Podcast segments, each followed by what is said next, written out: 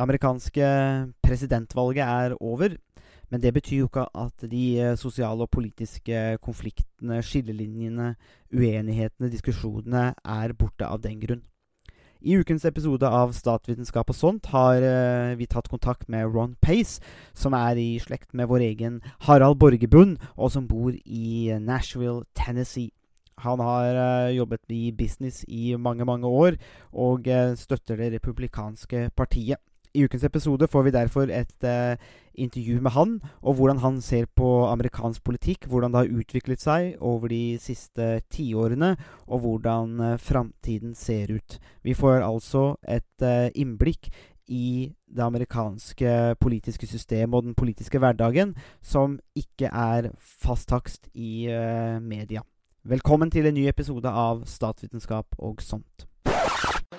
How dare you? Mr. Gorbachev, tear down this wall. I did not have sexual relations with that. Read my lips. Hell yes, we're gonna take your AR-15. It's waiting I have a dream. Thank you.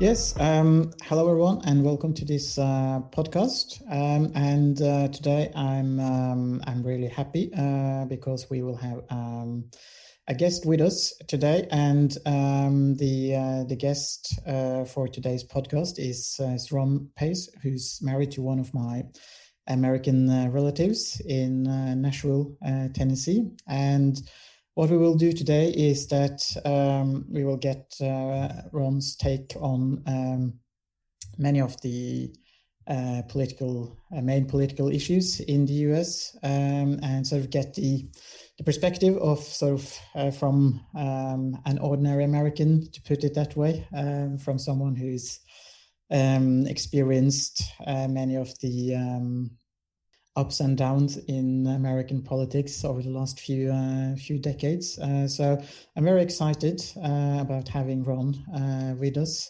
today. Welcome, Ron. Thank you, Harold, and thank you for having me. As Harold said, my name is Ron Pace. I'm an older American, live in Nashville, Tennessee, which is in the upper southern part of the eastern United States. Uh, you may recognize the, the name of Nashville, Tennessee. We're known as Music City, USA. Uh, so come and visit us. You'll have a great time, I'm sure. I hope I'm an old.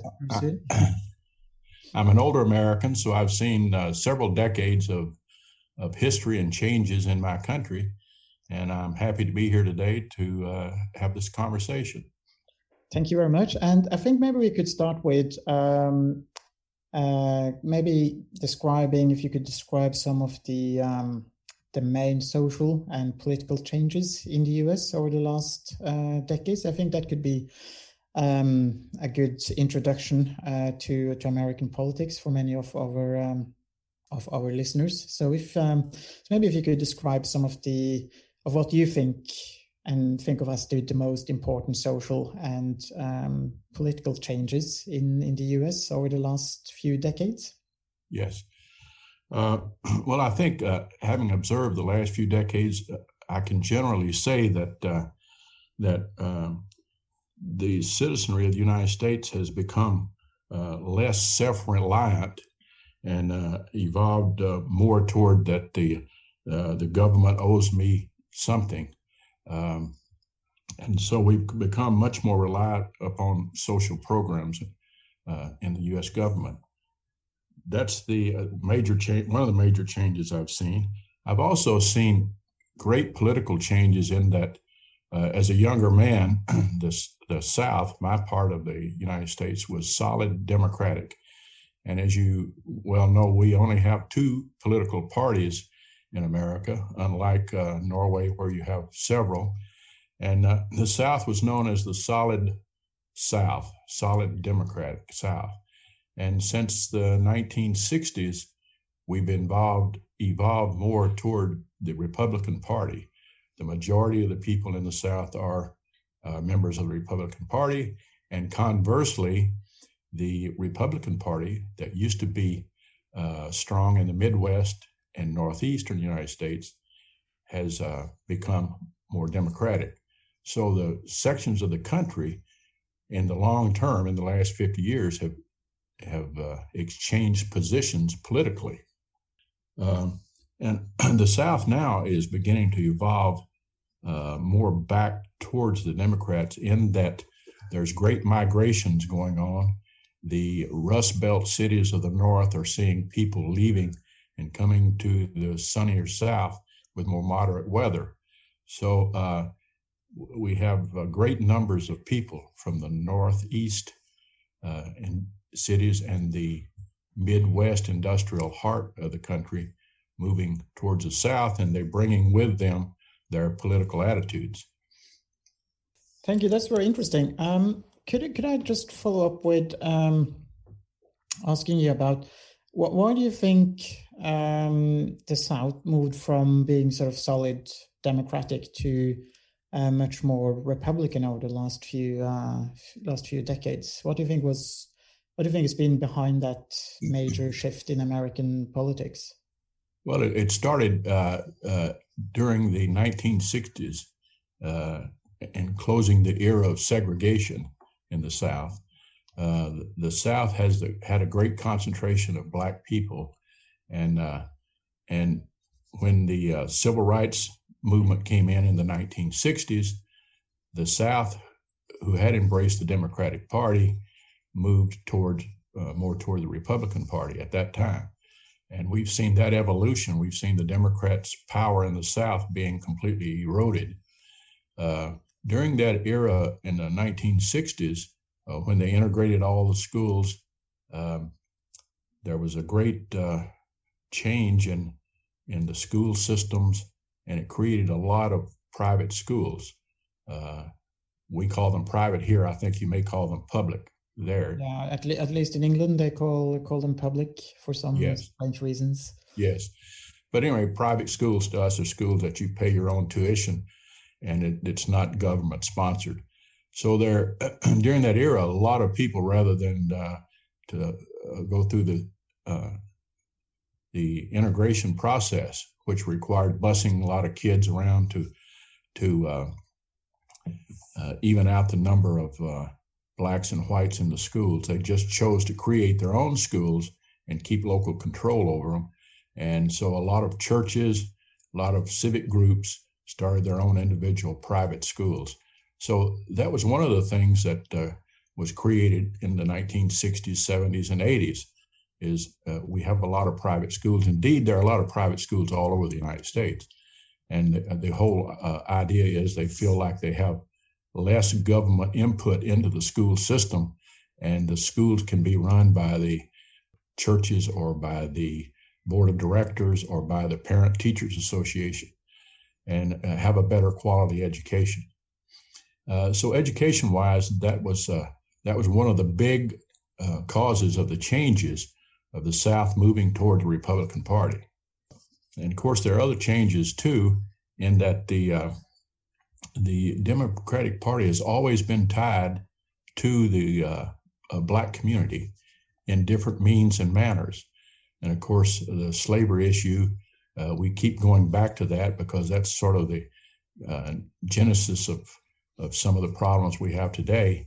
Uh, the South, as you know, was was the last place that um, held on to the concept of slavery uh, even though people don't realize that at one time slavery uh, was a uh, was uh, in all the uh, states, all the original 13 states. But the northern states shed because they weren't agricultural in nature, more manufacturing in nature. They shed their concept of slavery in the 1810s and 20s, but the South hung on until 1865. And so the Democratic Party was the party of the South, the party of slavery. And after um, slavery ended, then the South created a whole concept of laws that in, indeed continued on the slavery in one sense, in that it, it denied blacks the opportunities to vote. It created a lot of economic laws that kept them suppressed. And this was known as the era of Reconstruction. And so the Democratic Party shifted uh, uh, uh, wore different hats at that time. They could, they came became from the slave masters to the controlling of slaves through laws. Uh, that all ended in the 1960s in the civil rights era, And at that time, the Democratic Party shifted again and started uh, creating social programs to keep the blacks tied into their party. And so uh, that's where we are pretty much today is the, the, Democratic Party through different means and, and manners have continued to be allied with the uh, black population. Mm. Now, having said that, it, it, surprises some people to learn that uh, the American population is only 13% black, but yet they have a, uh, a large amount of power because obviously they vote more in a block and it's pretty solid. They, they typically vote about 95% uh, for uh, the uh, Democratic Party. So even though they represent a small percentage of the population, they represent a large uh, political position in the country. Mm. I, I, wonder uh, if I can just jump yeah, in there on the. I mean, this because this is a big issue. Uh, the, the the issue of of of of race in America. It's it's something that uh, a lot of Norwegian media, uh, you know, spends a lot of time on uh, discussing. Um, and we've seen it with the uh, the BLM, the Black Lives Matter movement, and the the tension that it seems to have created as well, uh, especially when you when you see, I, I, I do a lot of research on extremism, uh, and uh, I've been spending far too much time on some message boards online, and there's a lot of you know the BLM uh, Black Lives Matter movement uh, seems to be a catalyst uh, for a lot of tension, hate, or um, disagreement. It, it, it, ranges. It ranges a lot. That's my point. And then I'm I'm wondering because especially for us Norwegians who are on the outside looking in, um, and you you already described the history here, especially in the South, uh, with slavery and the Reconstruction period and all that. Um, but is it possible to describe in, in any way what's the daily life? Is is is what we're getting in media hyperbole? Is it uh, um, exaggerations, or is it possible to explain for us uh, in Norway how this race issue functions or operates on a daily basis? Yeah. Uh, I, I would say that it's greatly exaggerated. Uh, we go about our daily lives interacting every day with Black people, white people, Asian people, uh, Hispanic people, and there's no conflicts uh, in our daily lives, and uh, and people generally respect each other, get along with each other, and uh, you don't you don't see uh, you don't see any individual uh, animosities when you're dealing with people on a daily basis. and I think that, of course, you always have the fringe groups uh, and, and to the people of Norway, I would say that that it's a small, small majority in these fringe groups that uh, create all the hyperbole and all the all the uh, the headlines in the paper. Mm. Yes, that's that's very um, interesting to um, to hear. I want to go back to something that you um, start with uh, something that you said in the, um, right at the beginning. Uh, you said Americans um, were sort of becoming less less uh, self-reliant compared uh, with um, with before. Uh, could you say some? Could you elaborate a bit on on what you mean by how Americans become less self-reliant compared with what they used to be, and what some of the reasons behind behind that change as you see it? Well, I think I think this is the case in in uh, in most advanced countries, and uh, even so in Europe. Uh, the the more that the government, more programs that government creates, tends to uh, create in the citizenry the idea that uh, anything that's negative in their life can be solved by a government program. And uh, uh, on an individual basis, uh, people become uh, with the attitude that if I have a problem, then somebody owes the solution to that problem for me rather than me solving my own problem.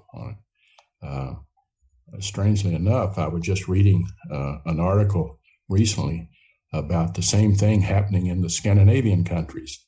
Uh, Scandinavian countries, uh, on an individual basis, up until the uh, post World War II, were uh, much more productive uh, uh, than they are today.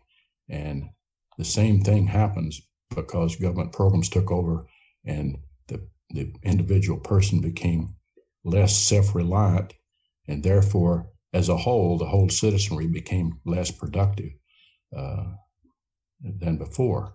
And I, I believe uh, I was reading also, so uh, one of the Scandinavian countries, or all of them, particularly in Sweden, uh, at one time went far uh, left towards uh, extreme socialist programs, and it the country started faltering economically, and they've since taken some of those away and sort of moved back to a, a more productive type society. Um, so uh, I, th- I, think it's something that's not just happening in the United States. I think it's happening in all the advanced nations. You, you said um, briefly that at the moment the South was moving a bit more towards uh, the Democratic Party again, and you um, you relate related that to um, people moving from the the so-called Rust Belt and the northeastern state. Um, can can you say a bit more about that trend? Uh, why did that trend? Um, well, why do we see that trend uh, these days? And and what and do you think that trend will be stronger over the next few years? I do, and uh, uh, a lot of the movement has to do with retirement, uh, particularly Florida. Florida is changing a bit because so many uh, people from the snow belt are moving there, retiring there, and uh, but other instances it's for economic opportunities. The South is generally what we call right to work. Each state, you know, creates its own laws. Um, and uh, that's something maybe difficult for a European to understand because in the United States, the states still have a lot of rights to create their own rules and regulations and laws.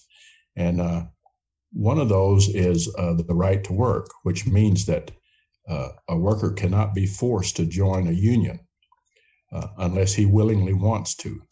Uh, and so, therefore, uh, you don't have a lot of uh, labor union constraints in the South that you do have in the North. And so, uh, that's another reason. Another one, another one is opportunity, economic opportunity. The South is growing economically much faster than the North.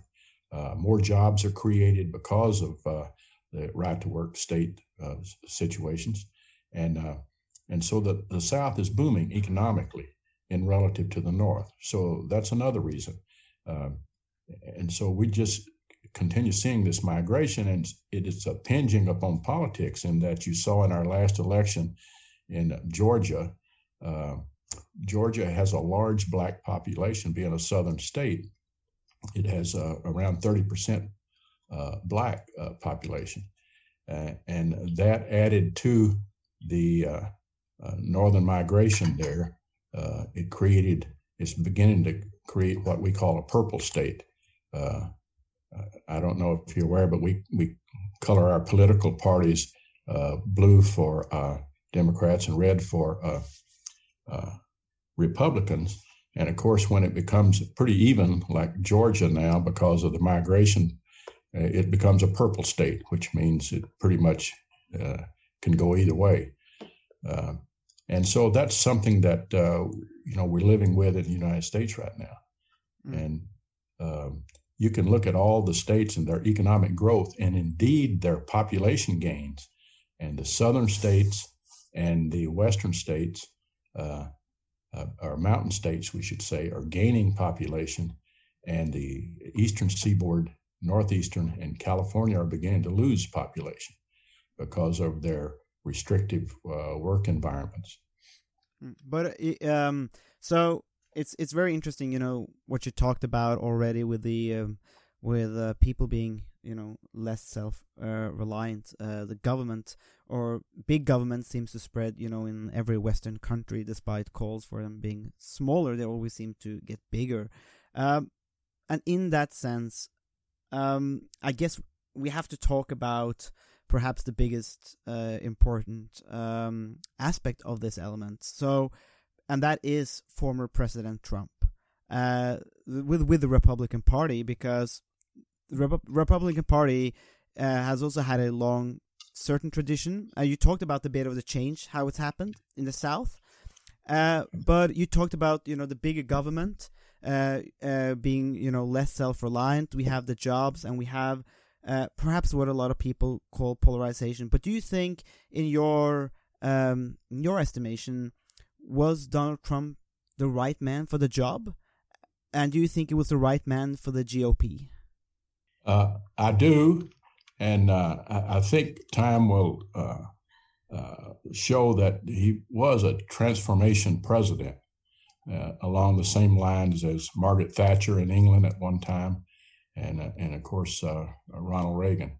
And what had happened is ever since from 1952 till the ni- late 1990s, the Democratic Party pretty much controlled uh, the United States. And as such, uh, we kept uh, evolving more in a, in a liberal uh, manner. Um, and uh, keep in mind that President Trump was not a politician, he was a businessman. And as such, his uh, whole method of operation was objective in the sense of accomplishing accomplishing goals. Uh, he he was to his own detriment.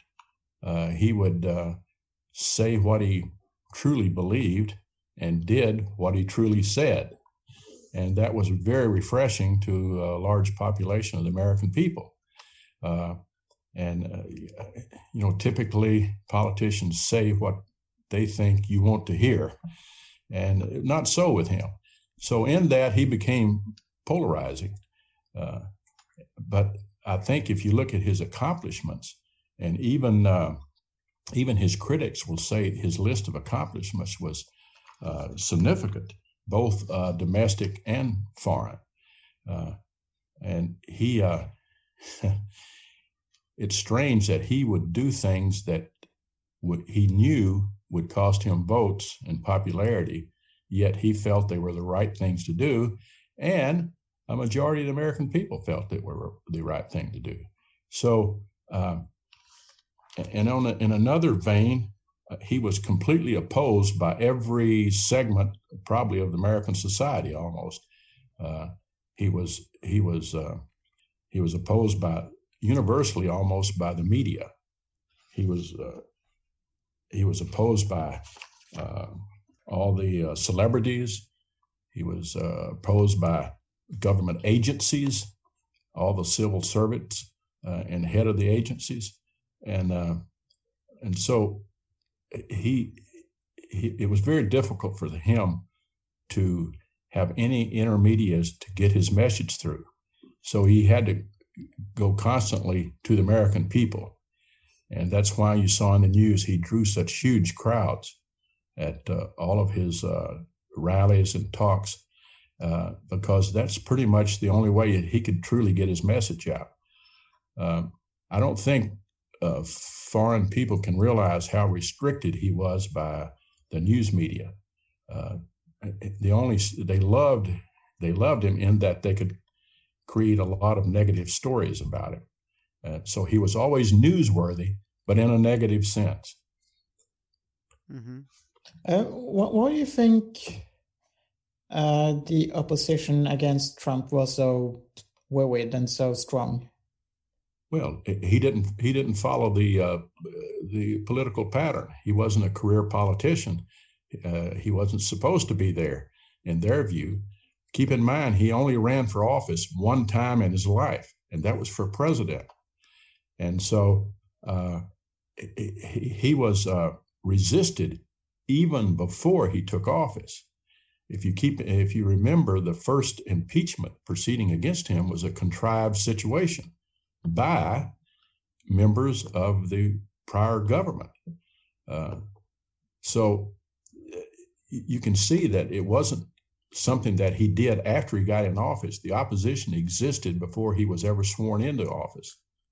Mm-hmm. But but is the is is there such a? I mean, it's it's fascinating just to try and dig into this, you know, much uh, you know uh, closer and deeper. This whole feeling that you know with politicians. I mean, in Norway too, you know, we joke about politicians, and um, you know, I I think I'm on record saying that I don't like any of them.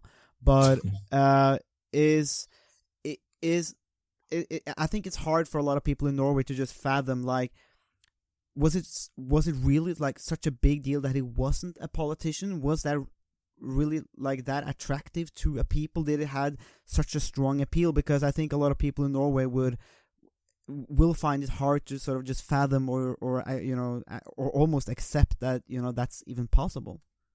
Yeah, well, it was refreshing that he wasn't a politician.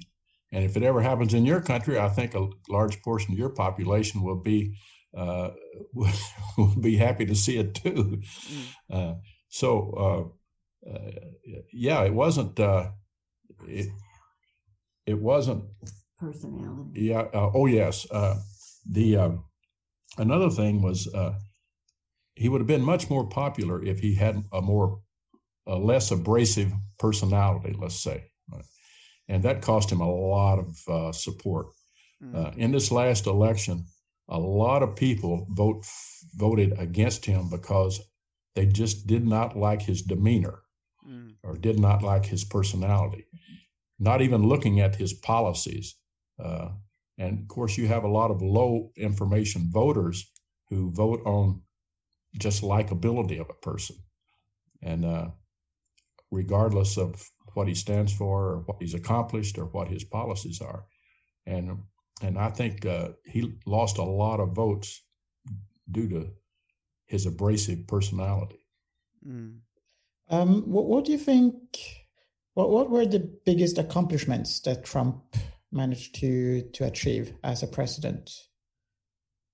Well, domestically and in and in well, uh, yeah, both, both domestically and in foreign policy. Yeah, well, it's a long list.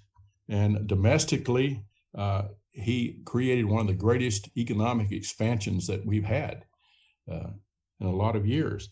He created the largest tax cut, uh, income tax cut in American history. Uh, we had the lowest unemployment in the last 70 years, not only in uh, uh, as a nation, but also in the minorities and the black community, the Hispanic community, Asian community had the lowest unemployment rates ever in history recorded. Um, he had another big thing is he achieved energy independence, the first time that we've had that in years, and uh, so we never had to rely on any foreign source for oil or gas, uh, and and that was and not only that we have a strategic stockpile available. So that was another big achievement. He rebuilt a, the military that had deteriorated under uh, Obama uh, regime. Uh, he established uh, a new branch of the military called the Space Force, and space, as you know, is becoming ever more important, not only for communication purposes but also for defensive purposes. Uh, and he restored manufacturing jobs in America. That's why he uh, all the Midwestern states, uh, Illinois and and the, the Rust Belt, uh, got a lot of support, even from the union people, because he was bringing back jobs to them to the, uh, that area. Uh, he funded historic black colleges. I don't know if you're aware of it, but we, uh, uh, being an integrated society, we also allow what we call historic black colleges, and there's over a hundred of them in the United States. If a black person chooses to go to a, a black university, he, he can, and the government supports that. He created support for those universities. Um, he created opportunity zones for the blighted areas uh, in America. Uh, and he stopped illegal immigration. Now, I know that's probably a, a touchy subject, and in Europe, uh, you've had some problems along those lines as well. Uh, and the, the press never talks about legal immigration.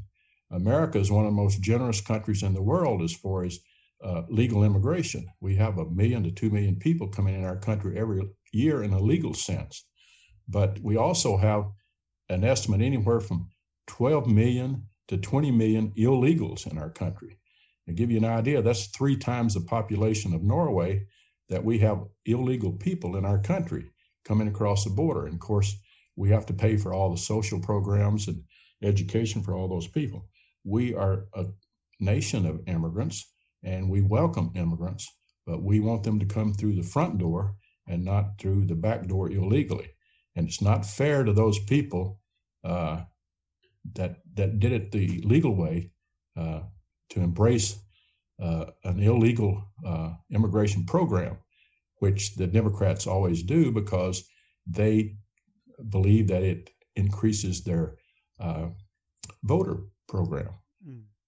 the pool of their voters. So those are uh, some of the domestic things that he's done, and uh, currently the the new Democratic administration are beginning to uh, tear those down to the extent they can. A lot of those programs were uh, created by executive order, uh, and hmm. although we have laws that exist. Uh, president can use executive orders on how to implement those laws and how to uh, identify what those laws embrace. So, through executive orders, there's a lot of power that can be exerted by our president. And uh, I know uh, Biden, in his first few days in office, issued like 40 something executive orders immediately, uh, dismantling a lot of Trump's uh, uh, programs. In in the foreign area, he he did he did great too in, in the foreign area. He uh, he revisited NAFTA. NAFTA is a North Atlantic, uh, I mean, uh, uh, North American Free Trade Association. That was an association between Canada, United States, and Mexico, uh, and it was a huge drain on the United States in that we we uh, created an imbalance in a, the tariffs and all that to the advantage of the Mexicans and the Canadians. And Trump uh, did away with that program and created a new program in its place where we had an agreement with Mexico and also agreement with Canada. To give you just one small example of how there's some imbalance in that program, uh, the Canadians imposed a 150% tariff on our dairy products if they went across the border to Canada. And they did that, to, of course, to protect their own dairy industry. But can you imagine a gallon of milk, uh, or in your case, uh, a liter of milk, costing uh, twice as much uh, in uh, in Canada, the American milk, than coming the other way around. And so he he scrapped the NAFTA agreement, which was created in the 1990s, but he put in place two other agreements that was more evenly balanced. So he did that. What people don't realize, because uh, after four years, uh, people's memory are short, but his first month or two in office, he defeated ISA, ISIS. Uh, and you don't even see that on the radar anymore because he went in there and he let the commanders do their job without uh, uh, uh tying their hands behind their back. And uh, and so that was cleaned up in, a, in a matter of uh, two or three months. other specific things he did, like he moved the capital of Israel to Jerusalem. And strangely enough, uh, the United States had voted for that for the last 20 years, but no president would do it because he didn't think it would, uh, the government did not think it would be popular to do that. But again, uh, it this flies in the face of of uh, Trump because he does what he thinks right, regardless of the consequences. But do you um, feel, if I can just you know ask you now, Ron, because I mean, this, because this is really uh, interesting you know when you when you hear about you know uh, these different you know policy outcomes but do you feel so do you feel that like the biden presidency will threaten these things? Will things go on as you know they're already reversed some but but is there like a sense or do you feel a sense or do you feel in, in your community or in nashville or you know it could be tennessee uh, you know, other than that, that, the Titans, you know, will struggle to reach a Super Bowl, perhaps. But you know, other than you know mo- those more minor issues, is there a feeling that the Biden presidency, we or the now the de- the Congress and the Senate being uh, controlled by the Democrats, that these things will be reversed or made worse, deepen polarization, or how is that feeling towards the Biden presidency?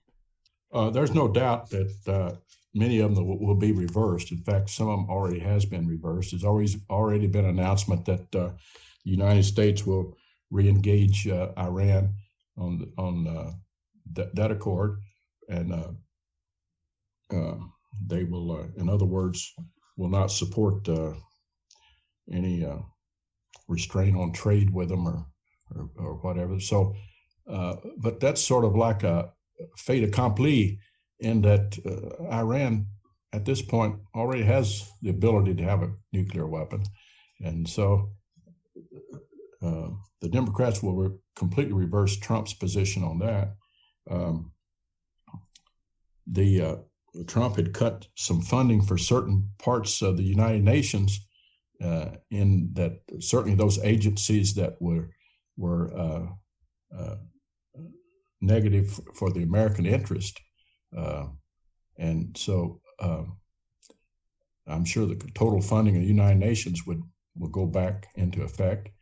Uh, Trump didn't cut all funding from the United Nations, just those departments like civil rights that were always uh, uh anti-American, and, and so uh, Biden will has already reestablish total funding for the United Nations. And I don't know what percentage the United States pays, but us having 6% of the world's population, we used to pay like 30 or 40% of the total cost of, of uh, the United Nations. Uh, and uh, so, yes, the, uh, some of the some of the policies, oh, Biden cannot afford or will not uh, reverse.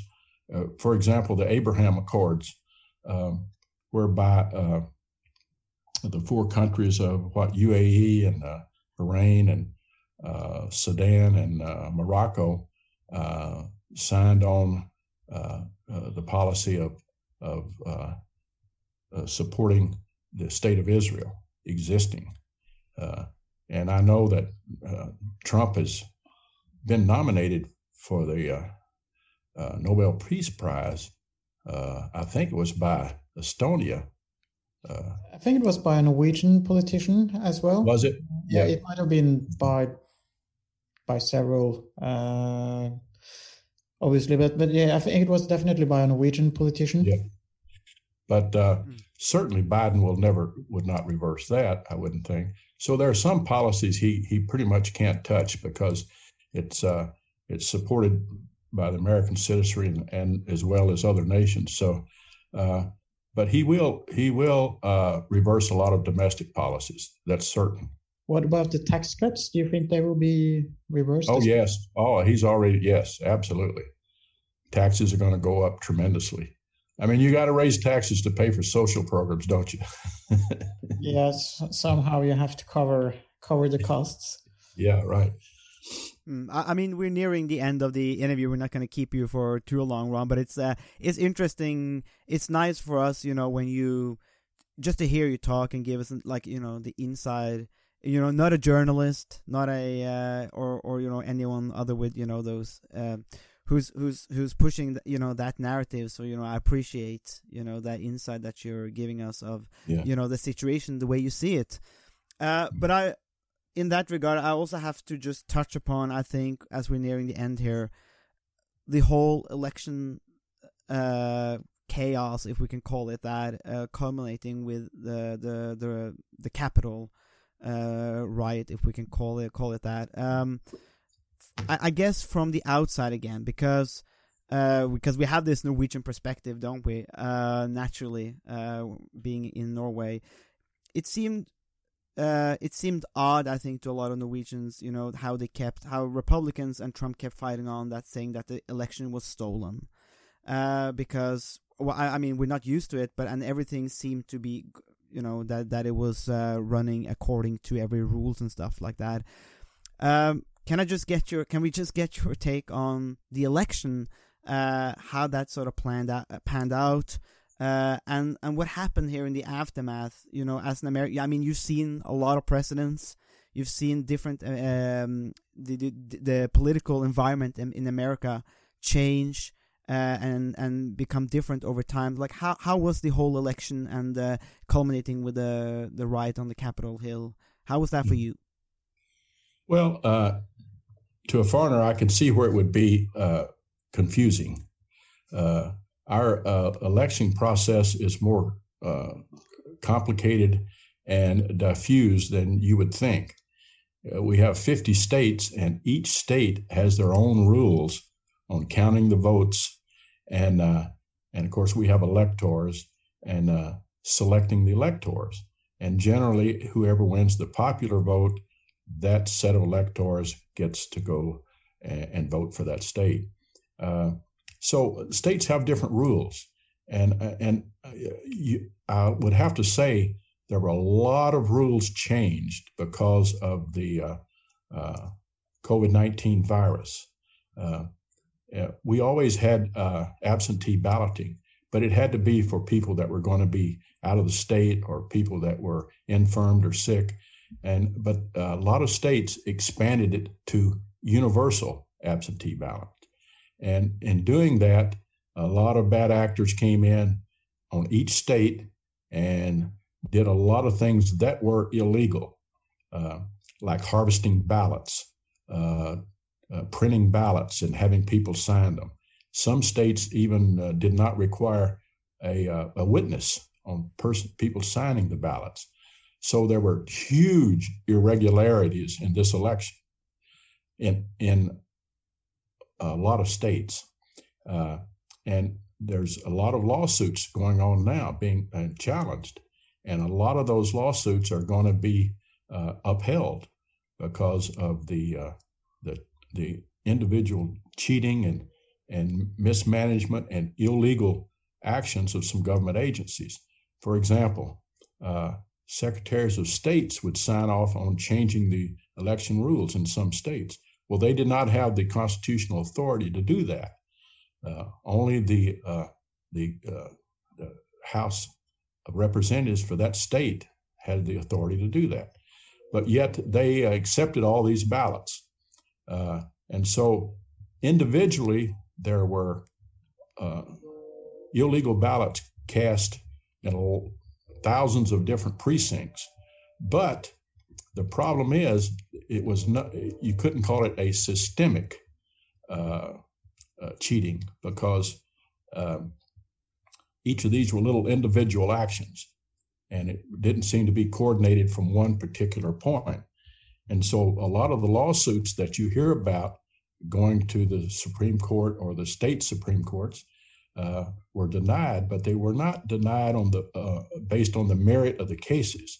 They were denied because everyone who brought the suit didn't have legal standing to bring a suit, uh, and so a lot of them were dismissed for for that reason. Uh, for example, the state of Texas sued the, uh, for uh, illegal voting in Georgia, and the state of Texas did not have standing in the state of Georgia, so therefore it was thrown out by the Supreme Court. So the dust has not settled yet on all of these lawsuits. A lot of those will be determined in, uh, going forward, but the world will probably never hear about the outcome because it won't. At that point, it won't will not be newsworthy. Uh, so uh, I, I, can see people were really upset, and I'll say this about Trump. Uh, in every one of his uh, uh, meetings with uh, and huge crowds, they were always orderly. They always respected the law.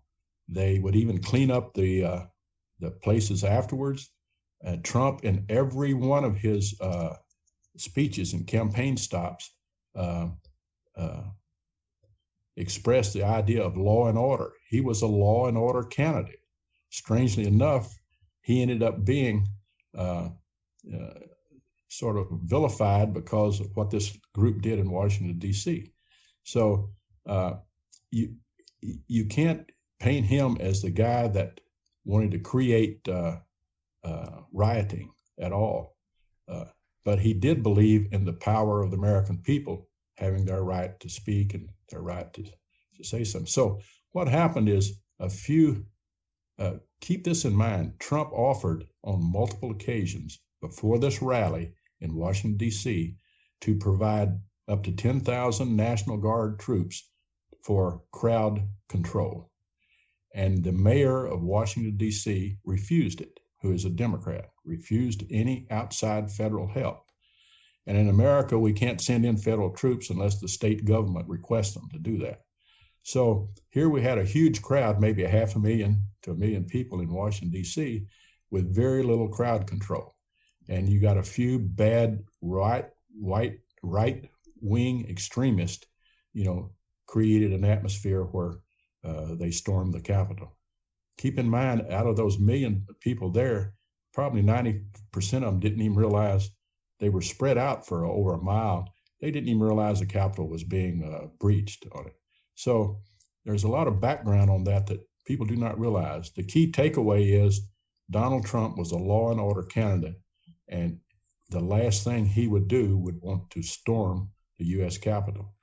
But it happened from a few bad apples in his amongst his supporters was it a shock to you um, to see? I mean, because I was watching it in my cabin. I was working, and I turned on the news or the television, and they had this uh, coverage. And I, I, uh, I have to say, I, I sat there in uh, could, could perhaps best be described as disbelief. Uh, what I saw on the television, you know, I'm not American. Uh, I've been I've been to the country a few on a few occasions, but even if it's not my country, the, the capital is just such a huge symbol uh, of of the nation. I would you know I would wager. And and so was that a shock to you to see the riot and people inside the Capitol in that fashion? Was that a shock? Absolutely, it was a shock to everybody. Uh, there's no question about that. No. It's also a shock of all last year of all the riots going on in Portland and Seattle, uh, and but those were left wing riots and and the uh, authorities did nothing to stop that because it, it it would have been unpopular for them to do that with their voter base and so but this was the first riot that that sprang from a, a republican uh, gathering but yes you're absolutely right it shocked americans just as much as it shocked uh, foreigners mm. you you think of the stability in the united states political system and uh, and this was uh, this was uh, earth sh- uh, shaking. Mm. What do you think about the um, the impeachment um, going on this week? Well, uh, impeachment they'll probably vote later today, yeah, and uh, if not, certainly tomorrow. Uh, it, the, it's it's to me it's and to most people it's just a show trial. Americans are not paying a lot of attention to it as you would think they would, uh, because keep in mind we've gone through this before. Uh, they they had the the uh, fake allegations against Trump the first time they impeached him, and and for them this is great political fodder, is uh, uh for the Democrats. So that's the reason they do it. They they want to do it to uh, paint Trump in such a way that he will not be able to ever make a comeback politically. I think that's the motivation for it. But the end result is a foregone conclusion, even before the trial started. Uh, uh, you know, that we've had uh, three or four presidents to be impeached in, in our history, but none convicted. But the impeachment process still uh, uh, paints that person in a pretty negative light. So uh, to us, it's it's it's just political theater. What do you think about the um, the next few years? Do you think the what what, what do you think the political situation will be like in in four years' time for the next presidential elections? Well, you know, we have our presidential elections every four years, and we have our congressional elections every two years. So in uh, 2022, there will be another uh, congressional election. And the Congress is so evenly divided. In fact, the, the Senate is exactly evenly divided 50 Republicans, 50 Democrats. But in the House of Representatives, it's very closely divided as well. There's 211 Republicans and 221 Democrats. So all you have to do is flip five seats, and the Republicans will be uh, in charge of the House of Representatives again. And that's the expectation now for the 2022 uh, by-election is uh, and, the, the party in power usually loses seats in the off-year by-elections. So the thinking is there's going to be a lot of devastation that the Dem- Democratic Party can do economically uh, to the country, uh, but it, hopefully it only lasts for two years until the 2022 election. Uh, so that's sort of the thinking now. I think I think the final, uh, you know, we're we're running a, a, quite a long interview here, but I'm happy with it. But I think the uh, following up, you know, perhaps extending uh, Harald's question here uh, about you know the future. Um, do you think do you think you'll see more identity struggles or polarization? We had our friend on um, from North Dakota a few weeks ago, and he he was saying that you know they had to block block people on Facebook because they couldn't really interact because uh, of messaging and disagreements.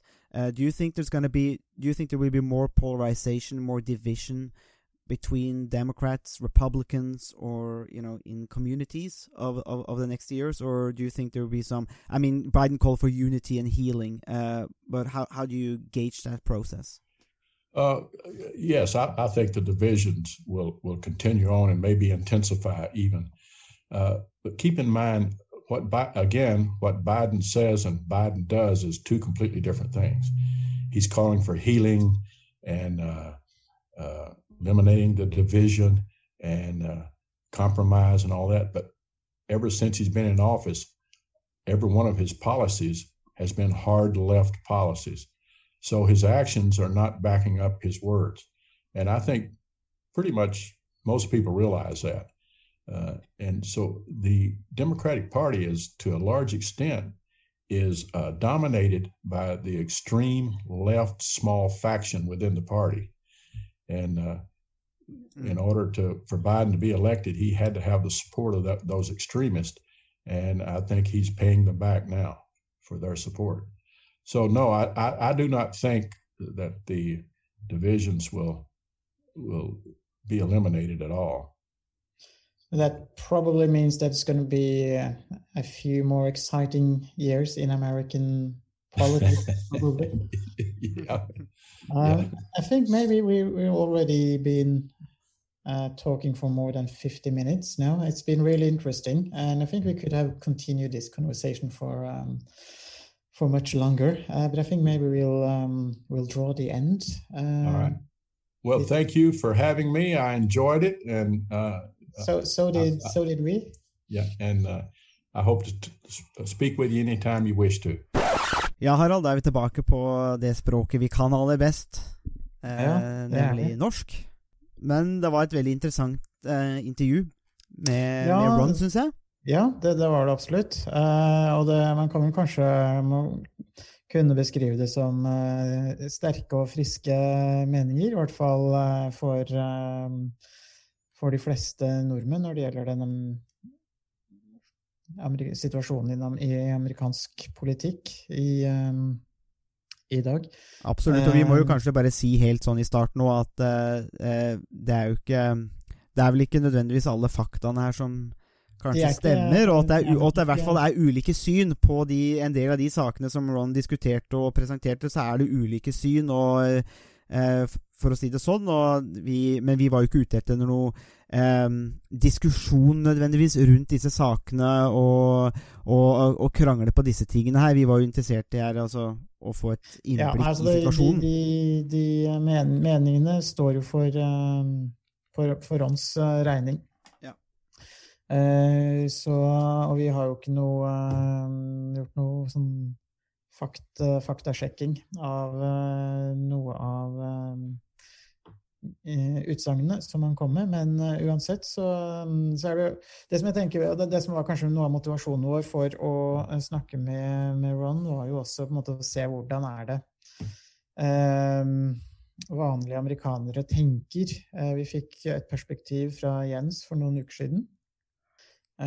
og så fikk vi vel egentlig på mange måter et litt sånn noe av det motsatte perspektivet, eller perspektivet fra Trump-siden eh, i dag. Og det, det, som er interessant, er jo i og for seg ikke nødvendigvis alle de ulike meningene sånn i seg selv, men kanskje mer eh, måten, altså resonnementene bak og eh, resonnementene som ligger til grunn for for å se situasjonen annerledes enn det mm. demokratene gjør, og det eh, som perspektiv som vi kanskje ofte får eh, servert i, eh, i, Norge. Og sånn sett så er det interessant å, å høre eh, hva, hva, Ron var opptatt av. Eh, ja, for det er jo noe man må ta seriøst. Um, og vi er jo ikke ute, ute etter her å si at noen har mer rett eller mer feil.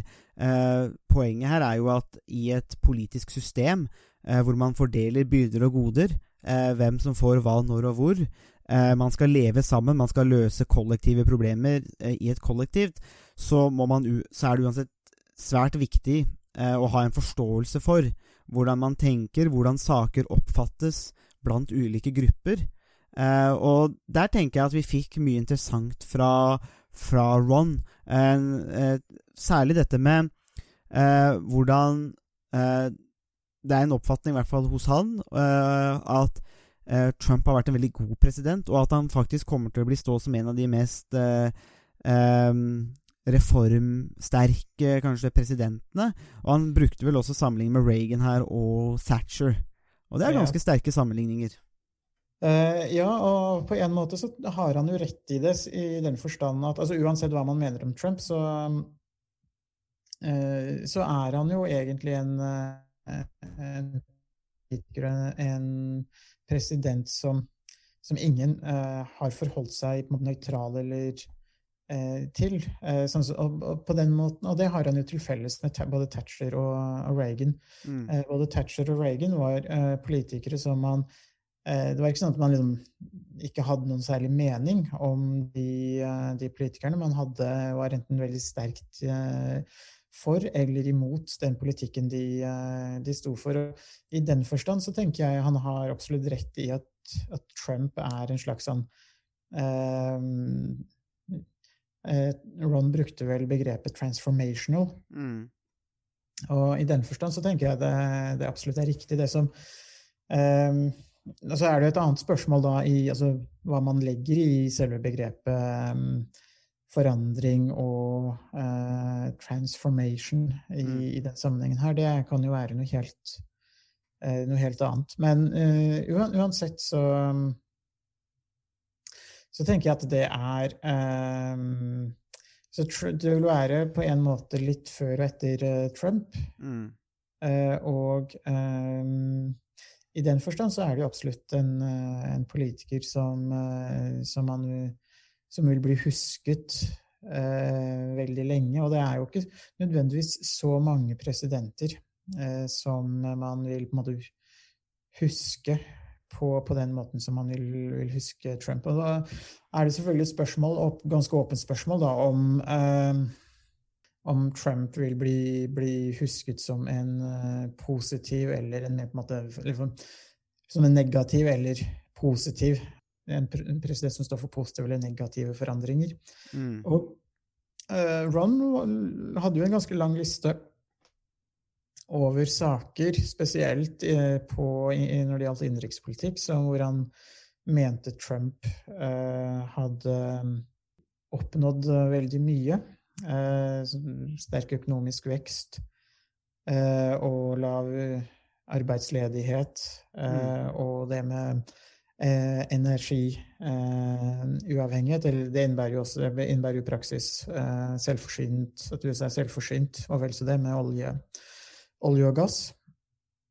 Eh, og mm, det er jo for seg store og viktige saker. Og det er klart det Man var jo på vei dit uansett i 2016, uavhengig av om, altså om det hadde vært demokratene eller eller, uh, eller republikanerne og Trump som, som, vant i 2016. Så, noe av problemet er jo si, altså, i hvilken grad har Trump direkte ansvar for at uh, børsen har gått bra. Uh, ja, den har, det har den jo gjort i stor grad siden 2000 og tid etter finanskrisen så har jo børsen gått, eh, spesielt i USA, gått veldig, veldig bra. Mm. Og så er det noe med det at hvis man er jeg, jeg, føler at hvis man er veldig amerikansk, eller det er kanskje litt, eh, kanskje litt merkelig innfallsvinkel, men jeg føler det er noe uamerikansk på en, måte at Trump enten skal ha veldig mye skyld eller veldig mye ære for, for aksjemarkedet og sånne ting. For jeg tenker at det finansielle systemet, politiske systemet, entreprenørskap, arbeidsplassskaping, det er jo mye mer komplekst enn at du bare må ha én mann i riktig embete, og så løser alt dette seg. Så jeg, jeg syns det er litt merkelig Det, det, det syns jeg kanskje var litt merkelig i, i, intervjuet, på en måte, hvor mye kritikk det på en måte er mot en mann som Obama. Eh, mm. Men så med Trump så gjør, er han en, en, mann som kan endre og gjøre fantastiske ting i systemet. Eh, jeg har nok et litt mer kanskje institusjonalistisk syn på det. Jeg tenker at én eh, mann er ikke nok der, da. At det er, eh, dette er mye mer ja, komplekst. Men, det er nok for, til en viss grad forskjellen mellom eh, en miljøskadd statsviter og på en, måte, en vanlig velger, for å si det litt sånn. For uh, som statsvitere så har vi jo har Du tenkte jo, på deg sjøl nå, eller? Var det... jeg tenkte først og fremst på deg, men Det er notert. Det, men jeg tror nok det er gjensidig. Jeg tror det vil være en ganske tøff diskusjon for å avgjøre hvem av oss som er mest miljøskadd. men, uh, det jeg tenker er at vi som statsvitere, vi er jo opplært til å tenke uh, ofte i, på, på altså, politikk foregår i institusjoner, gjennom institusjoner. Eh, mens eh, velgere de tenker ikke nødvendigvis på den samme, samme måten. og eh, det, det, man ser når man studerer velgeratferd, det er jo at eh, eh, valg kan jo ofte være et uttrykk for eh, hvor bra økonomien går på valgtidspunktet eller noen måneder mm. eller perioden før valgene. og det jo blant annet, har jo annet betydning for, for om man en president eller en politiker eh, blir gjenvalgt eller ikke. Går økonomien bra, så er det lettere å bli, eh, bli gjenvalgt. Og det er blitt gjort en del empiriske studier på akkurat det her, som, som altså viser eh, ganske tydelig at det en, eh, kan være en, eh, en, en, sammenheng der. Og, og det kan, gjør jo også at eh, fordi altså, Sånn som Obama, som tok over midt under finanskrisen, Eh, så er det et stempel som, eh, som han eh, får uavhengig om han gjorde en god eller dårlig jobb. Rett og slett mm. fordi at økonomien 2000 og, fra 2008 og fremover var veldig, var veldig, krevende en god stund, og så gikk det etter hvert bedre. Mm. Og så uavhengig av om det var Trump eller noen andre som hadde vunnet i, i 2016, så er det tenker, tenker jeg at det kan være Så ville nok de fått eh, støtte for den økonomiske politikken. Det som Trump er ansvarlig for, eh, det er jo skattereduksjonene. Eh, mm. Eh, og det er jo eh, noe som eh, er Som ofte er populært, fordi det er jo noe man merker, kan merke ganske, ganske tydelig på sin egen lommebok. Mm. Eh, og det er klart, det kan jo ha hatt en viss effekt eh, for eh, forbruket i USA. Det som er noe av problemet med skattesenkningene, er jo at de er jo delvis lånefinansiert.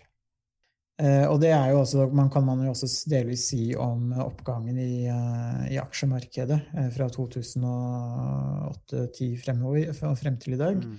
Eh, hvor det, sentralbanken i USA og i mange andre land har tilført aksjemarkedene eller bankene eh, store mengder med, med, penger, hvor det er veldig lav rente, som gjør det lett eh, å låne penger. Og mm. mye av de pengene har jo blitt investert i, i aksjemarkedet eller andre valutamarkeder eller i finansmarkedene. Mm. Det er jo også med på ja.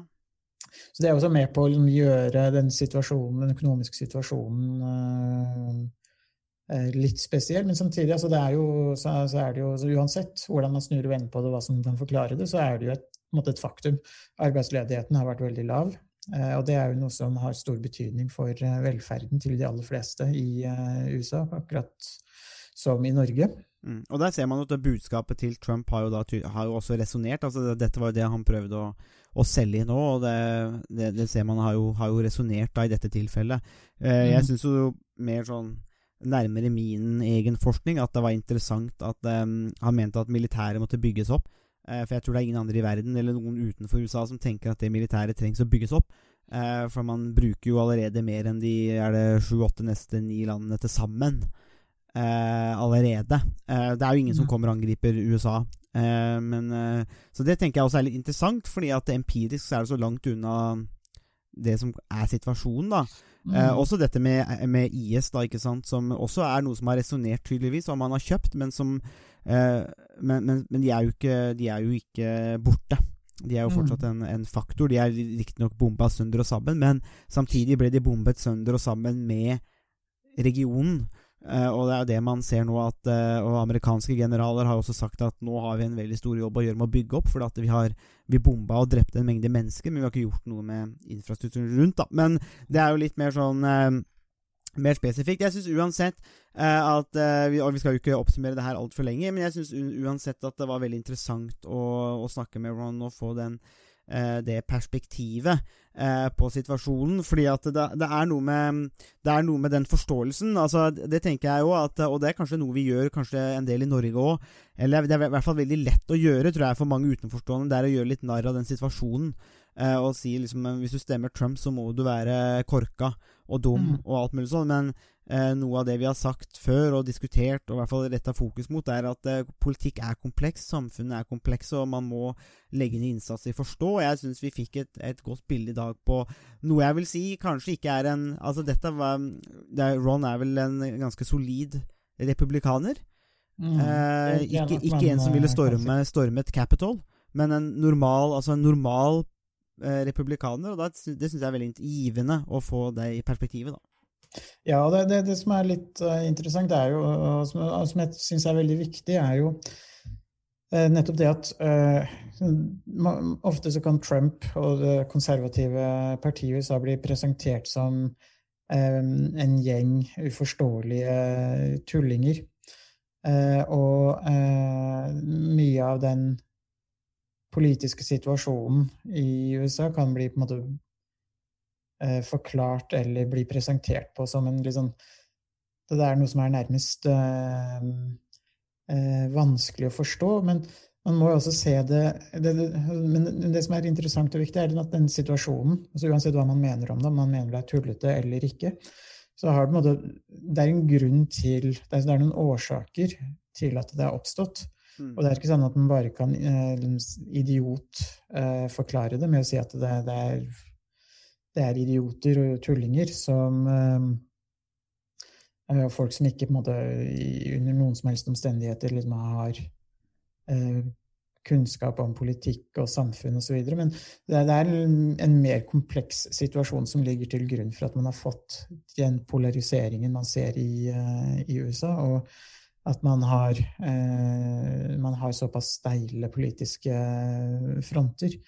Eh, så, så det er litt sånn Man kan ikke bare liksom for, for, bortforklare det med at det her er, eh, er noe som er, altså det er, som er enkelt å forklare. Det er mye mer komplisert. Eh, og det, det, ligger, det er en ganske kompleks situasjon som ligger til grunn for at som har utviklet seg over tiår. og Ron var jo også inne på noen av de endringene, og noen av de endringene helt tilbake til borgerrettskampen uh, på 60-tallet har jo vært med å forme han, uh, politiske, hans politiske syn over lang tid.